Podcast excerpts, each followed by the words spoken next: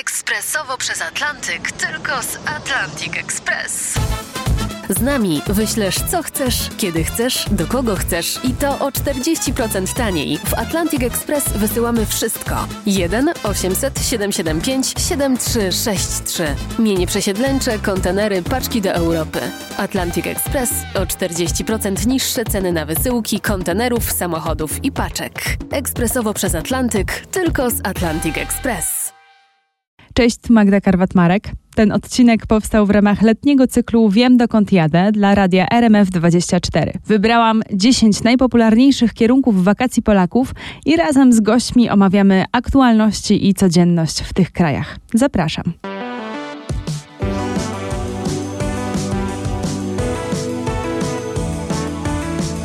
Dzisiaj przenosimy się do Turcji na specjalny turnus z oprowadzaniem. Z nami Monika Górniak, która prowadzi Instagrama Jak na tureckim kazaniu. Jak się można łatwo domyślić, jest on o Turcji. E, I dziś spytam Monikę, jak mieszka się tam na stałe, jak Turcy radzą sobie po emocjonujących bardzo wyborach. Zapytam też o jedną z największych inflacji na świecie, e, która właśnie w Turcji jest. Będą też ciekawostki dla turystów. Cześć, dzień dobry, dziękuję bardzo za zaproszenie. Zacznijmy może od tej e, inflacji i cen bo ja słyszałam o inflacji 200% nieoficjalnej, niedawno oficjalna była 80%. Jaka jest prawda i jak to jest odczuwane w Turcji? Hmm, ciężko powiedzieć, jaka jest prawda, bo naprawdę ta inflacja szaleje. I to jest bardzo zależne od produktu czy usługi, ale to są naprawdę ogromne liczby.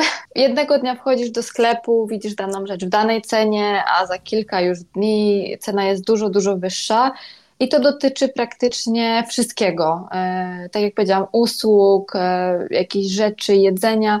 Szczególnie w Stambule jest to bardzo odczuwalne. Naprawdę. I ciężko tutaj powiedzieć o jakiejkolwiek liczbie. Można nawet powiedzieć, że to jest 400% na niektórych rzeczach. E, jakieś produkty, które najbardziej podrożały, takie, które mogą też zainteresować turystów? Myślę, że turystów to jakoś specjalnie nie dotyczy, jeżeli o to chodzi, bo w momencie, kiedy lira spada, złotówka się jakby umacnia, także turystów tak naprawdę ta inflacja jakoś specjalnie nie dotyka, szczególnie tych, y, no, którzy mają silniejsze waluty, chociażby złotówkę czy euro, więc tutaj nie ma problemu.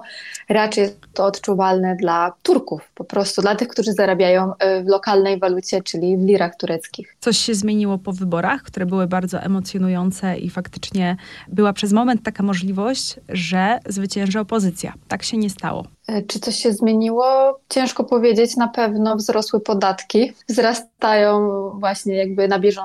No i bardzo mocno spadła lira po wyborach. Takie są zmiany. Być może, tak dobrze się na tym nie znam, natomiast być może długoterminowo będzie to miało pozytywny skutek, dlatego że zmienił się minister finansów. E, który, że tak powiem, dokręcił śrubę, stąd te wszystkie wzrosty, e, aby zahamować inflację po prostu, no bo zmniejszy się konsumpcja. Natomiast zobaczymy efekty dopiero pewnie za x miesięcy albo nawet lat.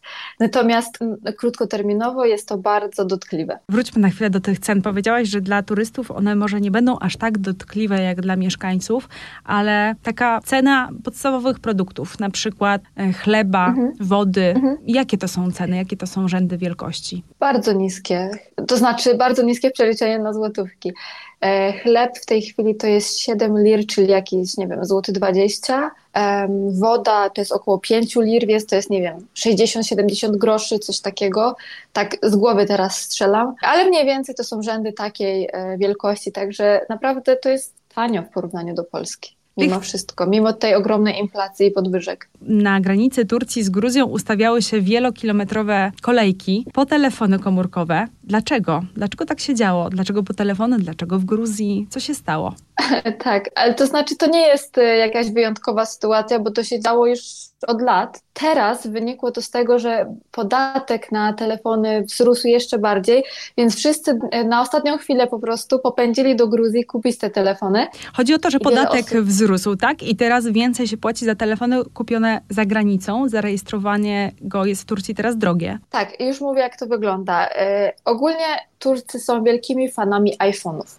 Tutaj po prostu każdy ma iPhone'a, mimo że go na niego nie stać. Ludzie biorą kredyty, y, nie wiem, zapożyczają się urodziny tylko po to, żeby kupić iPhone'a. Najnowszego zresztą. Wydaje mi się, że turecki rząd po prostu o tym wie, że Turcy kochają te iPhony i niestety one są po prostu bardzo drogie w Turcji. Więc ludzie, żeby to obejść, postanowili kupować te telefony za granicą, gdzie one są tańsze e, i nie jest na nie nałożony jakiś wysoki podatek. Czyli rząd wykorzystuje na... tę słabość do iPhone'ów i teraz narzuca na nie dodatkowe opłaty, że to jednak nie będzie takie proste kupić gdzie indziej i zarejestrować znaczy, w Turcji. To znaczy nie tylko na iPhony, na wszystkie telefony z zagranicy.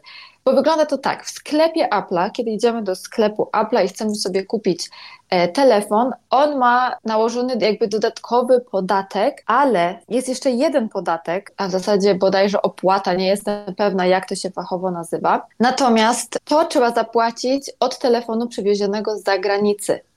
Więc niektórym kalkulowało się przywieźć telefon z zagranicy, zapłacić ten podatek, e, niż iść do sklepu w swoim mieście i kupić tam iPhone'a. W tym roku jest to już dużo, dużo, dużo więcej, bo w ciągu miesięcy rząd podwyższał ten podatek. No, więc na ostatni dzień ludzie popędzili do Gruzji, aby zapłacić jeszcze ten niższy podatek. Stąd takie zamieszanie. Więc iPhony teraz kosztują, e, myślę, że jak samochód w Polsce jakiś używany. No jest to rząd wielkości bardzo działający na wyobraźnię. Wciąż jednak Turcja dla turystów jest rajem i jeśli chodzi o Polaków, to w zeszłym roku Turcja była liderem wśród polskich biur podróży. Czy w tym roku też się zapowiada taki sezon? Ja myślę, że tak. Wydaje mi się, że Turcja od lat jest takim kierunkiem wakacyjnym dla Polaków. Jest tu pięknie, mm, w miarę tanio. E, są luksusowe hotele, są też e, tańsze hotele, ale też bardzo fajne.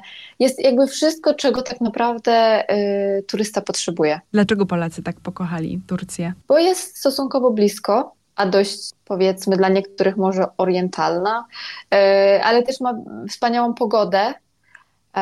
Nie jest w, w strefie euro, więc jest e, taniej, a standardy są e, takie same jak europejskie. Turcy są bardzo przyjaźni, e, dobrze się tam spędza czas. E, jest dobre jedzenie, w ogóle fajny po prostu jest taki klimat, jest mega luzacko, tak bym powiedziała. A Turcy i Polacy mogą się dogadać e, ze sobą i mają jakieś wspólne cechy? Zastanawiałaś się nad tym, bo ty tam mieszkasz, prawda, od już jakiegoś czasu.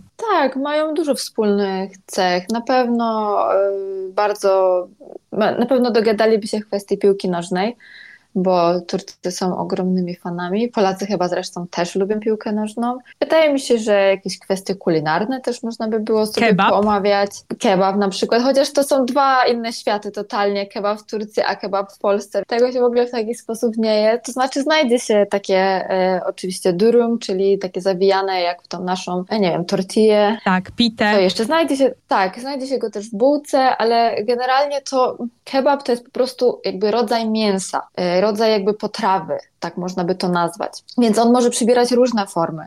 Może on być podany na talerzu w formie takiego jakby mielonego mięsa, e, uformowanego w taką, nie wiem, w taką podłużną strukturę. E, generalnie nie podaje się do niego sosów żadnych. E, to znaczy nie polewa się go żadnymi sosami. Może być e, sos podany obok, ale to nie zawsze jest w takiej formie płynnej. Może, mogą to być takie um, pomidory na zasadzie takiej salsy ala. Mm, mówię tak, żeby wytłumaczyć po prostu Polakom, którzy może tego wcześniej nie widzieli. To się na przykład nazywa ezme. Coś takiego się właśnie podaje. Jeżeli ktoś by chciał sobie sprawdzić, jak to wygląda, to są właśnie pomidory z ziołami i przyprawami. No i to jest coś fenomenalnego. E, polecam każdemu właśnie spróbować e, kebaba z ezme. Pije się do tego też ayran, e, jogurt i właśnie jogurt jest najczęściej takim sosem, natomiast nie polewa się nim tego kebabu, on stoi po prostu obok. No jest to zupełnie coś innego, zupełnie inne doświadczenie i też rodzaj mięsa. One są przyrządzane z zupełnie innych mięs. Z baraniny. Często tak, także zapach, e, smak jest zupełnie inny. Turcy też często dodają e, taki składnik jak kuyruk jały, czyli to jest taki olej e, z pewnej części zwierzęcia.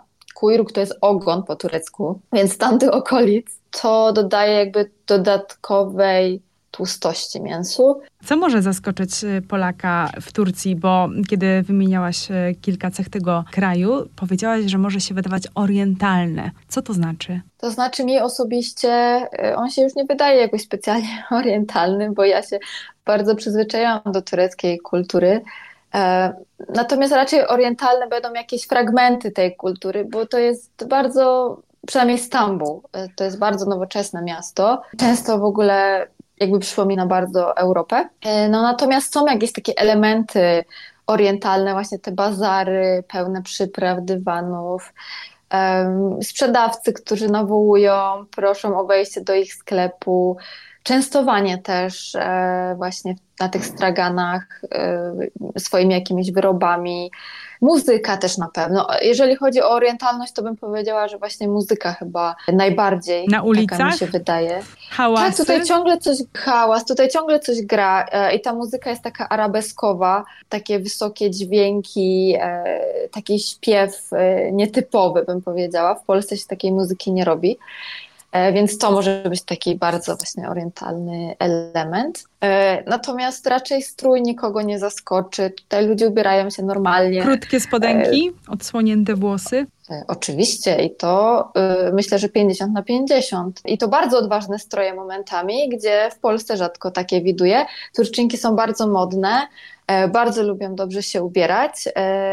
No i jeżeli się nie zasłaniają, to często są ubrane bardzo skąpo. Różnie to bywa, różnie się ubierają oczywiście, dziewczyny mają różny styl, ale myślę, że to może zaskoczyć y, wiele osób, które myślą, że w Turcji znajdą tylko jakieś zakutane osoby, że mogą być zaskoczeni, jak różnie ludzie się po prostu ubierają. Też chciałabym zaznaczyć, że to, że ktoś się nie zakrywa, to nie znaczy, że nie jest danej wiary. To jest bardzo indywidualne Także nie warto oceniać nikogo poprzez pryzmat stroju. Turcja też jest y, krajem olbrzymim i pewnie bardzo zróżnicowanym i pewnie trzeba na to zwrócić uwagę. Mam wrażenie, że na świecie mówi się o dwóch tematach w tym momencie, czyli inflacja, o której już trochę powiedziałyśmy, i pogoda, temperatury. No to nie może zabraknąć tego tematu w naszej rozmowie. Jak tam upały w Turcji? Tak, zdecydowanie Turcja jest ogromna. E, więc ja się wypowiem na temat Stambułu. E, e, więc tutaj w tej chwili mamy ponad chyba 30 stopni i ma się to utrzymywać przez jakiś czas. Mm, natomiast Stambuł nie jest aż tak upalny ogólnie rzecz ujmując w porównaniu do innych regionów Turcji. Jaki jest Na przykład Riviery tureckiej. Mhm. Riviera i myślę, że wschodnie, te wschodnie rejony tam jest bardzo, bardzo gorąco. A jak sobie radzicie e, z tym? Może macie jakieś sposoby, które możemy podpatrzeć, czy to w Polsce, czy to na wakacjach? Czy są jakieś specjalne sposoby? No ta herbata e, no słodka i zasłony, o których pisałaś na swoim Instagramie? Tak, zasłony na pewno. To są takie białe zasłony odbijające światło. Można je sobie zaciągnąć na cały dzień i wtedy odbija się po prostu słońce od nich, chociaż trochę. Mnie herbata osobiście nie ochładza. Bo ja to jest herbata słodka, słod... tak? No bo to jest y, typowa yy, dla Turcji herbata. Niekoniecznie. Y, słodką piją ci, którzy lubią słodką. Ja słodkiej nie lubię. Y, każdy sobie dosładza według własnego uznania, bo cukier jest zawsze podany obok. Herbaty nie podaje się słodkiej od razu. Po prostu są podane kostki cukru. Zazwyczaj Turcy korzystają z kostek. Także niektórzy wrzucają sobie ich bardzo dużo do tej małej herbatki, a niektórzy wcale. Ja oczywiście piję tą herbatę latem, ale nie dla ochłody, a dla po prostu y, przyjemności, bo ją bardzo lubię. E, ale na przykład Turcy często wieczorami jedzą schłodzonego melona albo schłodzonego arbuza, czyli po kolacji e, wyciągają sobie z lodówki melona, kroją na kawałki i tak się ochładzają. Jesteś e, w Turcji i włączasz telewizor albo jesteś, przechodzisz obok sklepu, widzisz gazety, nagłówki, włączasz radio. O czym się teraz mówi najczęściej? Czy to jest właśnie polityka? Myślę, że tak. Teraz się dużo mówi o polityce, ale zresztą tutaj zawsze się mówi o polityce. No i generalnie tematem przewodnim są pieniądze tak naprawdę i tutaj każdy mówi o pieniądzach. Też pytałaś, o czym Turcy mogliby porozmawiać e, z turystami. E, Turcy raczej, e, oni by pytali turystów, a nie turyści ich. Oni są bardzo, bym powiedziała, otwarci. Bardzo szybko jakby nie potrzebują wiele czasu, żeby z kimś poruszać różne takie dla nas, powiedzmy, bardziej osobiste tematy. Dla nich to jest coś normalnego. Także pytania, ile zarabiasz, gdzie pracujesz, gdzie jest Twoja rodzina, są normalne i to są takie pytania na zasadzie small talku, a nie pytania prywatne, co dla mnie było przez długi czas bardzo trudne, bo nie chciałam zawsze wszystkim opowiadać, gdzie pracuję i ile zarabiam i w ogóle co tu robię w Turcji, gdzie mieszkam, ile płacę za mieszkanie. E, ale Turcy zadają tego typu pytania i um, oni nie odbierają tego za jakieś przekraczanie prywatności, tylko po prostu takie pytania na zasadzie, no o co mam pytać w sumie? No to zapytam o to po prostu. A o polityce się rozmawia? Czy jest trochę jak w Polsce, że jest taki podział trochę pół na pół? I trudno wyczuć, jak przedstawić pewne tematy. To znaczy, tak, Turcja jest podzielona tak jak Polska, myślę 50 na 50, natomiast wydaje mi się, że e, łatwo, mm, chociaż nie zawsze, jakby zobaczyć, kto popiera kogo. Turcy ogólnie e, mniej więcej między sobą potrafią to wyczuć. E, ja może niekoniecznie jeszcze. Natomiast lepiej o tym nie rozmawiać między sobą, dlatego że to zawsze prowadzi do nikąd tak naprawdę. Każdy ma jakieś swoje wyrobione e, poglądy, no ale faktycznie ten podział jest, jest on dość silny, e, mocno, mocno widoczny jest po prostu e, i jakby rozdziera Turcję na pół. Ty przyjechałaś do Turcji parę lat temu. Mm, dlaczego tam zostałaś? Co jest w tym kraju takiego niezwykłego na co dzień, co sprawia, że chcesz tam być? Tak, to prawda. Y, przyjechałam już kilka lat temu. To jest na tyle fajnie, że będąc obcokrajowcem nie do końca się to odczuwa. Turcy zazwyczaj nie dają mi odczuć tego, że jestem tutaj obca, traktują mnie bardzo dobrze e, i myślę, że to sprawia, że wiele ludzi chce tu zostać no bo przede wszystkim przyciąga nas tutaj, e, myślę, że przyroda, piękne widoki, właśnie fajne miejsca na jakieś spędzanie weekendów, wakacji. E, Łatwo się ja żyje w Turcji? Kolory, to zależy pod jakim względem, ale myślę, że jeżeli tu jestem, to znaczy, że e, w miarę tak. E, natomiast tutaj jest tak kolorowo, jest dużo takich um, ludzi, którzy zajmują się jakimś rękodziełem, sprzedają to na każdym kroku. Można różne piękne rzeczy do domu sobie kupić. No jest, naprawdę jest fajnie. Oczywiście jest mnóstwo minusów, mnóstwo. Na przykład? E, no na przykład e, chociażby ruch drogowy, przechodzenie przez pasy. To jest taka codzienna czynność, która bardzo utrudnia życie. E, I cały czas trzeba mieć oczy dookoła głowy i na to też uczulam turystów. E, samochody zazwyczaj nie zatrzymują się przed pasami, trzeba na siebie uważać, e, trzeba zawsze e, mieć, pod, mieć na uwadze to, że to samochód jest większy i to my musimy niestety poczekać. Także tutaj jest troszeczkę prawo dżungli pod tym względem. I nieraz widziałam e, pięknie wystrojone panie na szpilkach, które po prostu z samochodami przebiegały. E, no jest to komiczne po prostu, ale no niestety jakby ludzie nie do końca się tutaj szanują, a czasami zatrzymują mi się na przykład na środku drogi, żebym sobie przeszła i ja nie wiem co się dzieje, bo nie jestem do tego przyzwyczajona, żeby mi ktoś się zatrzymywał na środku drogi, gdzie odbywa się po prostu ruch samochodowy, a nagle ktoś postanawia, że mi się tam akurat zatrzyma. No, Ostrożność jest, jest wskazana tak. na hałaśliwych ulicach Turcji. Zdecydowanie. Na wszystkich ulicach, nie tylko na hałaśliwych naprawdę y, tutaj wygrywa większy, zawsze. Powiedz jeszcze na koniec, co można sobie przywieźć z Turcji, albo czego można tam spróbować i co warto ze sobą e, wziąć później, czy to jeśli chodzi o jedzenie, czy jeśli chodzi o rzeczy, coś takiego, czego nie można dostać w Polsce, a warto by było. Dużo, mnóstwo jest takich rzeczy, e, więc tak, z jedzeniowych spraw polecam sos z owocu granata. A granat to jest taki owoc właśnie w Turcji chyba bardzo popularny, prawda? Tak, nie rośnie on wszędzie z tego co wiem, natomiast jakby w całym kraju używa się tego sosu i jest on taki bardzo ciekawy w smaku, bo jest troszeczkę słodki, a troszeczkę kwaśny. Warto spróbować na przykład künefe, ale z kajmakiem. E, I to nie jest taki kajmak, jak, e, jakiego znamy go w Polsce, to jest e, coś co przypomina mascarpone. To jest taki produkt uboczny robienia jogurtu i to jest przepyszne, takie, no rozpływa się po prostu w ustach i łącząc to z tym künefe, tym bardzo słodkim deserem, no daje wspaniałe połączenie, więc to sobie warto spróbować w Turcji, bo przywieźć raczej nie. A rękodzieło, bo też mówiłaś, że sporo tego jest, może tak. tutaj warto się rozejrzeć. Warto sobie przywieźć na przykład e, tak zwany nazar bonju, czyli e, oko proroka.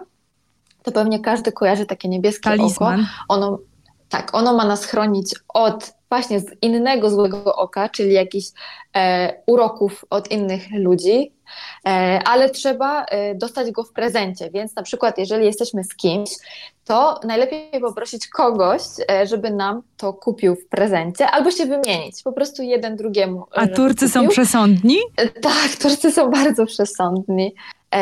Można sobie kupić turecką kawę i właśnie można sobie potem powróżyć z jej fusów, e, jak ktoś lubi. To też jest to popularne jest bardzo w Turcji, tureckie. tak? Tak, tak, to jest bardzo popularne w Turcji. E, no i przy okazji wtedy można też zakupić sobie e, filiżaneczkę do tej tureckiej kawy.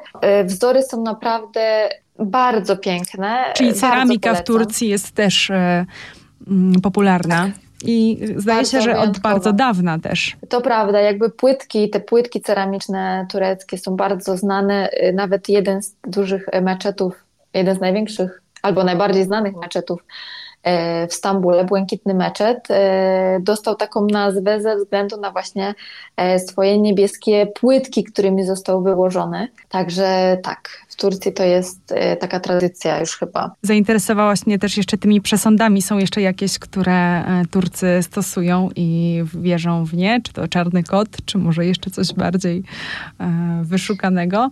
Czy te fusy, talizmany? Wiesz co, tego jest mnóstwo, natomiast ja się w to nie zagłębiam, ponieważ e, to nie jest do końca mój klimat. E, ale wiele przede wszystkim kobiet, chociaż mężczyźni też, e, no, wierzą w różne rzeczy. Natomiast to jeszcze gdzieś tam często zostało z tureckiego szamanizmu, który Turcy praktykowali przed przejściem na islam. Także e, no jakby dla Polaków to może być coś zupełnie dziwnego.